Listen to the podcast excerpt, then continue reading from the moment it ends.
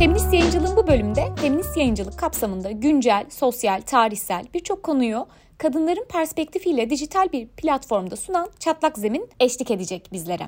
Çatlak Zemin'den İrem ve Yasemin aramızda. Öncelikle hoş geldiniz. Bu podcast serimizde e, feminist yayıncılığı konuşuyoruz. Peki sizce feminist yayıncılık ne? Ee, yani bence bu tabii ki zor ve geniş bir soru. O yüzden herkes yani e, çatlak zeminin kendi içinde ortaklaştığı bir takım ilkeler ve önemsediği bir takım şeyler var. Ama muhtemelen hepimiz için de ayrı ayrı anlamlara da geliyordur ya da ayrı ayrı önemlere de sahiptir feminist yayıncılık. Ee, ben biraz daha çatlak zeminin durduğu yerden bunu anlatmaya çalış, çalışacağım. Yani siteye bakan veyahut da bizi takip eden bir insanın da aslında e, belki gözüne çarpacak şeyler de olacak bunlar. Yani en önemli şeylerinden biri herhalde e, sonuçta e, içimizden hani bir kısım e, yani önemli bir kısmımızın örgütlü bir geçmişi var ya da bir, bir önemli bir kısmımız da hala bir şekilde e, feminist mücadele, kadın hareketi içerisinde bir şeyler yapmaya çalışıyor. O yüzden o, o gündemi yani kadın gündemi, feminist gündemi belirlemek, yani belirlemek de değil de yani olan gündeme dair e, bir söz üretmek e, ya da olan tartışmalardan hem kendimize dönük yani bizim kendi içimizde tartışıp belki oraya bir katkı sağlamak. E, orada onlardan da bir şey öğrendiğimiz aslında biraz o gündemsel yazılara önem veriyoruz. Yani o tartışmayı genişletmek açısından. Yani onun yanı sıra e, bizim için e, tarihsel olarak e, feminist hareketin ve kadın hareketinin birikimi çok önemli. Yani bunu zaten e, sitenin içindeki bazı bölümlerden de görmek mümkün. Yani hem o tarihsel şeyin e, birikimi ve onları hatırlamak e, ve onlar üzerine yazılar yazmak hem de bir yerden de güncel politikayı takip edip oradan da bir söz üretmeye çalışmak e, bizce önemli. E, onun dışında tabii e, yurt dışından e, yani yurt yani Türkiye dışındaki e, bir takım feminist politikaları takip etmek, oradan gerek çeviri olsun gerek oradaki e, bazı tartışmalara dair e, bizim de yazılar e, istediğimiz veyahut da tartışıp yazdığımız şeyler oluyor. Ya da insanların yolladığı şeyler oluyor diyebiliriz. E, tabii e, onun dışında mesela daha böyle e, deneyimden çıkan e, ama tabii ki de bunda feminist bir perspektifle ve oraya da katkı sağlayacak şekilde bir alan açmak da bizim için çok önemli. Ve böyle yazılarda aslında bayağı çoğunlukta zaten e, sizin de yani herhangi bir insanın da görebileceği gibi. E, bunu da önemsiyoruz ve bir yandan o hani o alanı hani her kadın için o alanı açmak yani bize yazı gönderebileceklerini e, ve oradan bir geri dönüş olabileceğini, o kadınlarla o iletişimi kurmak, o tartışmayı yürütmek hem bizi besleyen hem de onlarla hani daha böyle eşit ve bizim de onlara katkı sağlayabileceğimiz bir ortam yaratmayı hedefliyor aslında. O yüzden hem bize yollanan hem de bazen bizim istediğimiz yazılarda da öyle bir ilişki kuruyoruz yani. Hani o böyle bir e, bir yayınız ve biz yazıları alıyoruz ya da almıyoruz gibi değil. Bayağı o tartışmayı beraber yürüttüğümüz, o yolu beraber yürüdüğümüz bir şeyi hedefliyoruz olabildiğince. Biz kendimizi bir mecra olarak görüyoruz elbette ve yani oradaki yazıların e, seçimini ya da onlara çeşitli editoryal katkılar sunduğumuz da oluyor. Ama yani e, oluşturduğumuz şey aslında başkalarının rahatça katkı sağlayabileceği bir platform ve bu buluşma noktası ve e, buranın idamesini yapan insanlarız aslında ama böyle hep beraber oluşturduğumuz yani tıpkı bir feminist kolektif nasıl işliyorsa benzer e, ilkeleri ilkelerle yürütmeye çalıştığımız bir alan olarak gördüğümüz bir yer çatlak zemin aslında. Sizler çatlak zeminin oluşumunu feminist yayıncılığa oturttunuz. Ee, birazdan yazıların seçimi gibi pratik işleyişinize dair sorularla da bu meseleyi daha çok konuşacağız. Ee, feminist yayıncılık İrem senin e, bahsini ettiğin o tartışma ortamı olsa gerek. Çatlak Zemin 2016'da kuruluyor. Ee, kuruluşu nasıl oldu ve bu kuruluşundan bugüne nasıl bir hal aldı? Bunlardan bahsedebilir misiniz? İlk sözü Yasemin'e vereceğim. Ee, senin de dediğin gibi Çatlak Zemin 2016'da kuruldu. İlk kurulduğunda e, 10-15 feminist kadın tarafından kuruldu. Şu anda da belki 20-25 kişi var yani aslında nasıl kurulduğunu düşündüğümüzde tabii biraz ülkenin o dönemki siyasi kontekstiyle beraber düşünmek lazım ve feminist örgütlenmelerin o dönem ne halde olduğuyla da birlikte düşünmek lazım. 2013 biraz kırılma noktası gibi tasvir edilir feminist örgütlenmeler için e, pek çok insan tarafından. e, işte onlar Gezi'den sonraki dönemde genel olarak yani şu an tabii ki işleyen başka örgütler var işte dernek olabilir bunlar vakıf olabilir ama bunun dışında kalan bir böyle e, gönüllülük esasıyla işletilen ve politika yapılmaya hedeflenen e, kolektiflerden ve örgütlerden bahsediyorum. E, ya bunların biraz zorlaştığı bir dönemden bahsediyoruz hani genel ülkenin siyasi şartlarında. E, böyle bir dönemde aslında feminist politikaya dair neler yapılabilir, e, nasıl bir araya gelinebilir? E, bu soruların sorulduğu bir dönemde kuruldu Çatlak Zemin ve belki de e, daha önceki yani bu e, kuruluşunda olan kadınların hepsi de daha önce başka örgütlerde işte SFK olabilir, İFK olabilir e, ya da başka örgütlerde e, içinde de yer alan insanlarda. E, dolayısıyla bu örgütlü mücadelenin artık bu şekilde devam edemeyeceği bir dönemde başka bir forma gelip nasıl bu tartışmalar korunabilir ya nasıl bu tartışmalar büyütülebilir diye soruların sorulduğu bir dönemde kuruldu aslında. Yani bir de o dönem üzerinden düşünürsek tabii ki e, biraz interneti sonuçta dijital bir platform çatlak zemin feminist sözü büyütüp yaygınlaştırabilecek bir alan olarak alma isteği de var o dönem. Yani bu şekilde kimlere ulaşılabilir e, diye düşünüldüğü bir dönem. Yani biraz çatlak zeminin ismi de aslında böyle bir şey im, imliyor. Hani zemin kurulmasının çok zor olduğu bir dönemde bir zemin oluşturmaya çalışmak ama bu zeminin de zorlu bir zemin olması ve aslında bir çatlak zemin olması ve oradan çatlaklar arasından sızıp bir şeylerde buluşmaya çalışan insanların kurduğu bir yer çatlak zemin. E, kuruluşunu bu şekilde özetleyebilirim ama e, yani şu an nasıl işliyor derseniz yani kuruluşunda olan insanlar hala var çatlak zeminin içinde ee, yani ben de İrem'de daha sonradan dahil olmuş insanlarız e, bu arada. Yani düzenli aralıklarla yeni insanların dahil olduğu, e, kolektif bir şekilde tartışmaların yürütüldüğü, yani bunların bir kısmının yazıya yansıdığı, aramızda da e, genelde e, bir takım tartışmalar yürüttüğümüz bir yer. E, bu şekilde. Gezi sürecinde sosyal medyanın gücünün anlaşılması, dijital mecraların daha yaygınlık kazanmasının da etkisi var sanırım. Kürtaj yasasının gündeme gelmesi gibi haklarımıza yönelik saldırıların hız kazanması diyebiliriz o dönem için. O yıllar toplumsal olarak önemli kırılma dönemi. E, o dönemin atmosferinden de çıkıyor diyebiliriz senin de bahsettiğin gibi. Çatlak zeminde çeşitli bölümler var. E, feminist pencere, kültür fizik, haleti ruhiye, tarihimizden, femihat, patriarkada bu hafta, dünyadan ve son olarak şipşak eklendi. E, çok çeşitli başlıklar var. E, bu başlıkları detaylandırabilir misiniz? Biraz e, ne, ne tarz yazılara ihtiyacımız olabilir, hangi konuları beraber tartışmaya ihtiyacımız olabilir düşünerek aslında oluşturulmuş bölümler bunlar.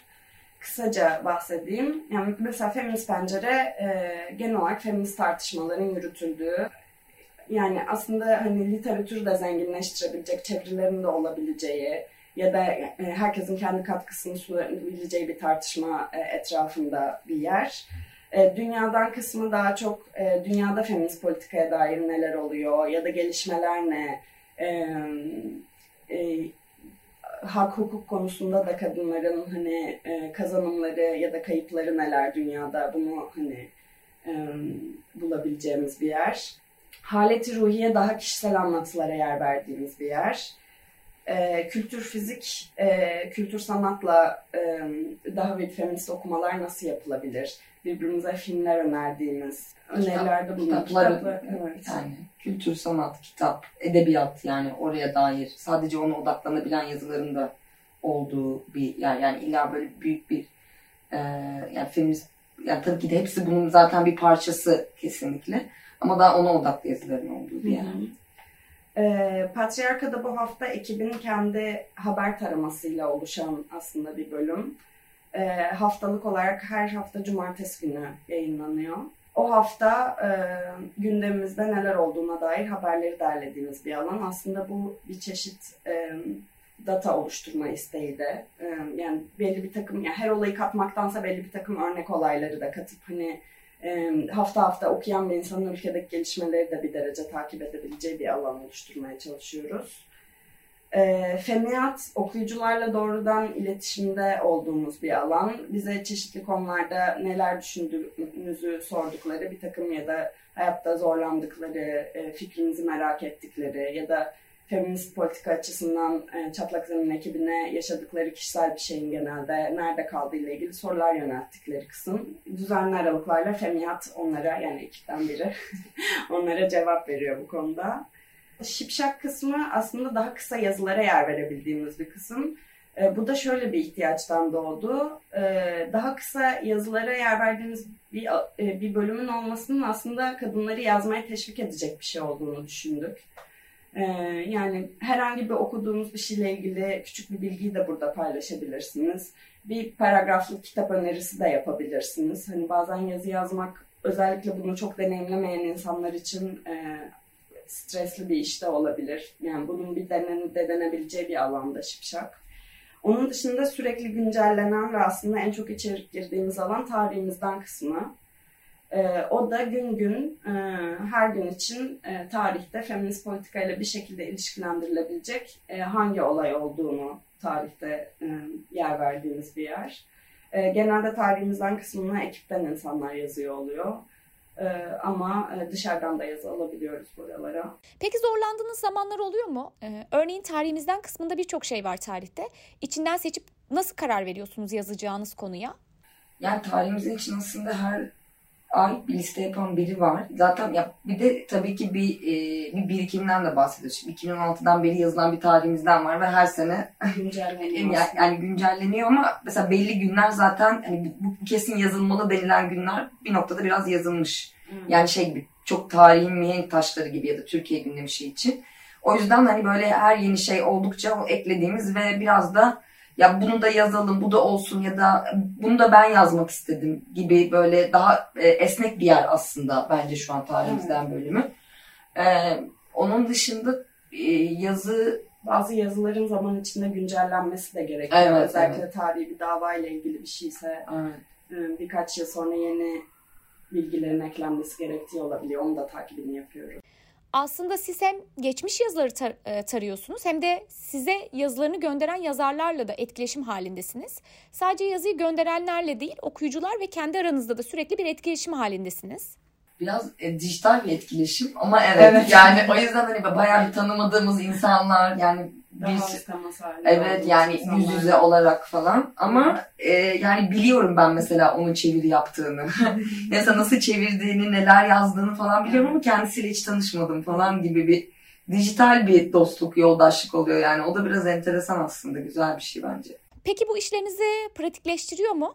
Bence evet bazı Bence açılardan. Bence pratikleştiriyor. Yani bir müsaitlik meselesi de var sonuçta. Hmm. Hani dijital olarak yürüttüğümüz için hani o an kim müsaitse o dahil olup işlerin bir ucundan tutabiliyor.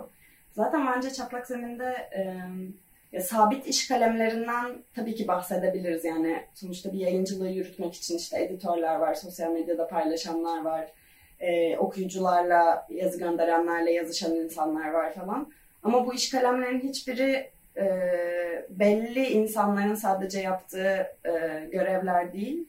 Aramızda bunları dönmeye de çalışıyoruz ve herhangi bir göreve başka birinden daha e, önemli ya da üstün tutmamaya da çalışıyoruz. Hani daha çok hani kim ne kadar mesai harcamak istiyorsa o kadar orada yer almaya çalışıyor. Ee, peki ekibiniz kaç kişi? 20-25 arası. Buna niye bakmadık? Yani WhatsApp grubuna bakacağım şimdi. Yani biraz şey de oluyor tabii. E, artı eksi bir iki değişiyor. Yani ben bu ara çok uygun değilim evet. ya da bilmem hani öyle bir e, artı aktiflik de değişiyor ama hani bir kesin aktif bir şekilde en azından tartışan da eden de bir takip eden 20 kişi falan oluyor kesinlikle bence. Her yazınızda bu 20 kişi dahil oluyor mu sürece? Yani çok az fikir verilmemesine özen gösteriyoruz belli bir tartışma yürümesi için. Zaten bazı yazılar için üzerine tartışacak çok bir şey olmuyor. Haber odaklı yazılar oluyor mesela. Hani. Ya onun dışında ekibin kendisinde de yani birçok açıdan, açıdan çok çeşitli bir ekip. Yani hepsi İstanbul'da da yaşamıyor. Biz ikimiz İstanbul'da yaşıyoruz ama e, iki tane yurt dışında yaşayan insanlar. Biri Amerika'da, biri Almanya'da. Onun dışında İzmir'de, Adana'da, Ankara'da, e, yani farklı farklı şehirlerde yaşayan bir sürü insan var. Örneğin size bir yazı geldi. Sizin hiç tartışıp konuşmadığınız bir kavram ya da konuyu ele alıyordu. Sonra tartışıp sonuçlandıramadığınız bir durum oldu mu? Ya da daha önce üzerine düşünmediğiniz bir konu konuydu e, bu. Yazıyla birlikte düşünmeye başladığınız gibi bir e, örnek var mı? Bence öyle oluyor. Çok fazla. Evet. Ve bu, bence besleyen kısmı da o. Yani bizi de besliyor. Hı hı. Hani ve o tartışma oradan yürüdükten sonra da eğer onun hakkında yazı çıkıyorsa ve geliyorsa bence genel olarak böyle o tartışmanın geneline katkı sağlayan da bir şey oluyor ama evet bence bu bayağı oluyor. E, çünkü yeni yeni gündemler de ekleniyor sonuçta. Yani politikanın kendisi de şey değil. Yani biz de e, oturup e, o kadar kafa yormamışız. Mesela hepimizin ayrı ayrı fikirleri var ve tartışmaya bir ihtiyaç var orada. Onu yaptığımız oluyor yani. Bazen gelen yazıların dışında aramızda belli konular belirleyip tartışma yürütüp o konuda yazı ürettiğimiz de oluyor. Yani şimdi aklıma gelen iki tane tartışma olmuştu. Mesela biri kürtaj üzerineydi. Hani yani çünkü senin de bir ara hatırlattığın gibi hani 2012'de esas kürtaj çok fazla tartışılıyor Türkiye'de. Ve yani böyle iktidarın belirlediği gündem dışı bazı konuları da tartışmaya ihtiyacımız oluyor ya hani öyle bir bir araya gelmiştik. Hem dünyadaki örneklere hem Türkiye'de kürtaj konusunda nasıl söz üretiyoruz, politika yapıyoruz diye aramızda tartışmıştık. Onun dışında ifşa konusunda mesela e, geçen sene Aralık ayında edebiyat dünyasındaki ifşalar çok konuşulduğu dönemde e, aramızda e, birkaç seanslık yine Zoom üzerinden tabii tartışmalar yürütüp oradan mesela önemli gördüğümüz noktaları aramızda bölüşüp 5-6 yazı çıkarmıştık. Böyle Hmm. şeyler de olabiliyor. Sırf okuyucuyla değil kendi aramızdaki tartışmalardan doğan yeni yazılar, fikirler. Ya da bazen bu kadar derin, ya bu kadar zaman ayıramasak bile bir yazı geliyor ve mailden herkes yorum yaparken o yazının onu düşündürdükleri ve orada bir tartışma oluyor mesela ufak çaplı da olsa. Hani böyle şeyler de oluyor. Bu, bu biraz çünkü daha yani keşke bunu daha sık yapabilsek. Ama öyle küçük çaplı da şeyler oluyor yani. Ben bu konu hakkında böyle yani yüz yüze geldiğimizde ya da bir o mail üzerinden öyle tartıştığımız şeyler oluyor. İrem senin az önce söylediğin gibi sizi de besleyen bir etkileşim bu. Her iki tarafı yani yazıyı yazan ve okuyanı besleyen yönün olması önemli. Ee, en başta da konuştuğumuz gibi feminist yayıncılık bu olsa gerek. Böyle bir mecra üzerinden ele alınan konuyu da tartışmaya açmış oluyorsunuz. Peki yayınlamadığınız, geri çevirdiğiniz yazılar oldu mu hiç? Elbette oluyor. Oluyor evet. Yani çok konu dışı olduğunu düşündüğümüz yazılar oluyor e, bazen. Hani doğrudan kadınlarla ya da feminizmle tam ilişkili olmayan hani ve başka mecralarda yer almasının daha doğru olduğunu düşündüğümüz. Genelde öyle durumlarda zaten yönlendirme de yapıyoruz. Şuraya Evet. şuraya gönderebilirsiniz belki daha çok ilgi, ilgilerini çeker diye. Onun dışında yani e, böyle e, basın metni gibi olan ya da böyle acitasyon metni gibi olan şeylere yer vermiyoruz. Yani onun yeri öyle bir e, çok öyle şeyler yayınlamıyoruz. Hı. Yani onun da galiba bir hem direkt mecrası o da değil hem de Hı. bir sonu yok da gibi yani. O dil üzerinden de biraz ortaklaşmak lazım geliyor bazen. Çok istisnai durumlar hariç ifşa yayınlamıyoruz. Evet evet yani hatta o tam bir ifşa gibi yani o e, ifşaya odaklı değil de o ifşada belki bir şey tartışıyor. Yani o deneyimde bir şey tartışan e, yazılar oluyor tabii ki yani. Ama evet direkt bir ifşa metnini yayınlamıyoruz mesela. E, galiba ya onun dışında zaten gelen bir yazıyı e, ya bu kısım güzel olmuş ya da şurayı biraz daha derinleştirsen iyi olabilir mi aslında bu nokta iyi. Hani sonra bir git gel oluyor. O yazı gidiyor bizden. Onlara, onlardan bize tekrar geliyor. Bize düşen hani bazı yazılarda öyle e, başka bir yazı çıkıyor bazen. Hani bazen de e, o insan mesela orada devam etmek istemiyor da olabilir yani kendiliğinden. Ama onun dışında çok fazla olmuyor yayınlamadığımız Evet, yazı. yani apaçık transfobi, homofobi, Ha, evet, tabii ki, onlar zaten. Onları direkt Onları direkt evet söylemedik bile yani. Hani ya böyle bu şekilde reddettiğimiz yazıları oldu. Yani böyle bir yazı yayınlamamız mümkün değil dediğimiz hani. Yani aslında bir yazıyı reddederken bile bence bunu da hani ekleyelim. Ee, yani çok böyle temel prensiplerimize aykırı olduğu için reddettiğimiz bir yazıda bile e, yani ne açıdan temel prensiplerimize aykırı bulduğumuzu açıklamayı bence bir görev olarak görüyoruz kesinlikle. Yani hani e, yani sonuçta yani kuruluşundaki e, en önemli motivasyonun hani tartışma alanı açmak olduğunu söylemiştim. Hani o, okuyucuyla e, aslında çok basit ve kısaymış gibi gözüken mailleşmeler de o tartışma alanının bir parçası, o etkileşimin bir parçası hani kamuya dökülmeyen bir parçası belki ama önemli bir parçası bence. Ee, bazen bir yazıyı okuduğumuzda Aa, evet ben de bunları hissediyordum ve yalnız değilim duygusu hakim oluyor. Yaşadıklarımızı, duygularımızı tarifleyen yazılar da oluyor çatlak zeminde. Mesela bir dönem Duygu Asan'ın e, Kadının Adı Yok romanı birçok kadının feminist olma tarihinde etkili olmuş bir roman. Buradan hareketle şunu merak ediyorum. E, yayınlanan bir yazıdan çok etkilenip iletişim kuran oldu mu? Evet. Yani yani hatta ya bazen burada ben de öyle hissediyorum bazı yani, yani biz de öyle hissediyoruz zaten bazen. Aa ne güzel yazmış yani. Evet. Kesinlikle. Evet yani hani böyle e, o da ya benim de hissettiğim bir şey oluyor bazen o. E, daha çok böyle yani tabii ki mail atanlar falan da oluyor kesinlikle. Bazen o o yazıdan etkilenip bir yazı yazanlar oluyor hiç tanımadığımız falan. E, ve yani onlar güzel oluyor ama ben daha çok sosyal medya üzerinden görüyorum mesela bu etkileşim. Biraz da belki dijital platformların biraz şeyde e, bir e, açtığı bir alanda orası gibi yani o etkileşime çok açık mesela. İlla böyle hani storiesine koyuyor orada yaparken bu beni bilmem ne yaptı diyor mesela. Yani isimden bahsediyor, yorum yapıyor, birine atmış oluyor bilmem ne. Hani o sirkülasyon çok hızlı. E, ve hani orada daha onu görebiliyorsun. Yani işte tweet atarken ya bu kısmın yani alıntı yapıyor mesela ve o onun için orası çok önemli ya da şey gelmişti oluyor. Ee, o yüzden bence ona bir imkan sağlayan bir yeri var ve oluyor evet. Evet, bazen başka mecralardaki yazılara cevap evet. olarak da e, bize bir şeyler yazmak isteyen oluyor. O da benim sevdiğim bir etkileşim evet. mesela. Galiba bu durum dijital mecraların bir avantajı. Yazar okur arasında da etkileşime e, olanak sağlaması, üstelik bunu hızlı bir biçimde yapıyor olması çok kıymetli. Artıları çok ama negatif bir yönü de var mı bunun? Ya şöyle bir eksi var bence. Yani bu genel sosyal medya için de söyleyebileceğimiz bir şey diye düşünüyorum. Ee, ya sirkülasyon çok fazla ve bazı şeyler de kayboluyor. Yani bir yandan bir internet sitesi olması ve yazıların orada duruyor olması tabii ki bence bir sabitlik sağlıyor çatlak zemin için. Ee, ama yani e, hızlıca kaybolabiliyor bazı şeyler. Gündemleştirmesi biraz zor olabiliyor internet. Ya da şey derinleşilemiyor evet, belki. Evet derinleşilemiyor biraz. Yani Hı. o etkileşimin o kadar fazla olması yani yüz yüze olsam ya da böyle bir hiç e, uzaklardan insanlar, tanımadığın insanlarla o imkanı sağlıyor ama bence derinleşmiyor birçok şey. Yani derinleşmesi için başka bir çaba ve süreç gerekiyor aslında.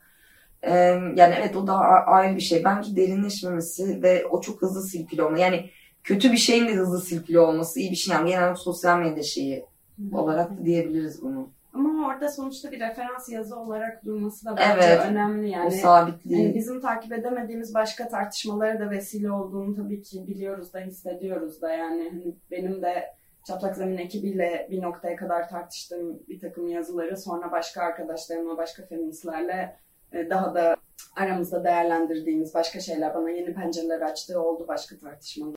Bir okuyucu olarak ben bazen şunu yaşıyorum. Mesela bir konu konuşuluyor ya da bir şey tartışılıyor. Ben belirli mecralara bakıyorum. Konuya dair ne söylemiş ya da bu konuya hangi perspektifle yaklaşılmış? Ee, kısaca bir araştırma yapıyorum. Bu yanıyla çatlak zemin gibi mecralar tartışmalara ışık tutuyor ve çok kıymetli. Biraz böyle e, ben bu herkesin yazı, yazmayı da dijital ortamda bir şeyler üretmesi bence güzel bir şey. Yani farklı platformlar açıldı, açılmaya devam ediyor mesela. Hani bu çok, e, ben de çok besleniyorum ve bence bayağı bir insan da besleniyor. Yani bunun bir parçası olması, ya çatlak zemin bunun bir parçası olması bana iyi geliyor. İrem bu derinleşilmemesi belki de günümüzün özellikle dijital mecralarının genel bir handikapı son bir soru eklemiş olacağım. Ee, ama bu yazılanlar sitede bir yerde durmasın. Üzerine de daha derinleşilsin gibi bir hedefiniz var mı? Çatlak zemin üzerinden böyle bir şeyi kurması biraz zor yani hani çatlak zemindeki tecrübemizden yola çıkarak kendi daha e, temas halinde olduğumuz başka feministlerle bu tarz tartışma grupları gibi deneyimlerimiz, girişimlerimiz oluyor. Ee, Ama işte mesela o arada yaptığımız tartışmalar bana biraz böyle geliyor. Yani evet. o gündemi ya böyle bir şey var ve bunda biraz daha derinleşelim artık. Evet. Çünkü hani bizim de içinden çıkamadığımız bilmem ne yani bizim de artık biraz daha üstüne düşünmemizin ihtiyacı ihtiyacımızın olduğu bir şey diye olan. Yani bunu çok sık yapamasak da herkese o saati, zamanı, şeyi uydurmak eşitlemek zor olsa da mesela böyle bir kaygı var. Bazen kısa zamanda konuştuğumuz, bazen böyle bir seri olarak toplantı aldığımız. Ya onun dışında galiba tarihsel olarak o hafızayı tutmak gibi bir kaygı var. Mesela bu AKP karnesini bahsetmedik. Evet. AKP karnesi de mesela böyle bir şey. Yani yine güncellenmesi gereken bir şey ama o zaman da yani biz o zaman yoktuk ikimiz de. Ama ben onun toplantısına gittiğimi hatırlıyorum. E, hani orada bir takım şey e, girince görüyorsun aile, kadın, cinsellik diye ayrılıyor ve e, onun böyle bir ufak bir lansman gibi yani bir toplantısı olmuştu. Ve orada mesela hani AKP'nin o karnesinde hani nasıl bir e, yani AKP kadın politikası nasıl bir politika üzerine aslında konuşmalar olmuştu. Mesela biraz ne öyle bir şey. evrildi zaman içinde? Ne şekilde evrildi? Evet, ne, ne şekilde evrildi zaman içinde gibi. İnsan bazen unutuyor bile. O tweetin akışında her an başka bir başlık görüyoruz. Bazı günler ülke gündemi de malum üst üste o kadar çok şey oluyor ki akışın içinde kayboluyoruz adeta. Evet bir de sonuçta tarihten başka anların, başka mücadele pratiklerini görmek e, bence insana kendi yürüttüğü mücadelede de ilham da veren bir şey diye düşünüyorum. Şu an yani içinde bulunduğumuz tarihi an e, tek ve asla değişmeyecek bir an değil. Yani o, onu ben kişisel olarak da önemsiyorum. Yani birazcık daha gündem belirleyen e, bir konumda olmayı isteyebilirdik mesela. Hani evet.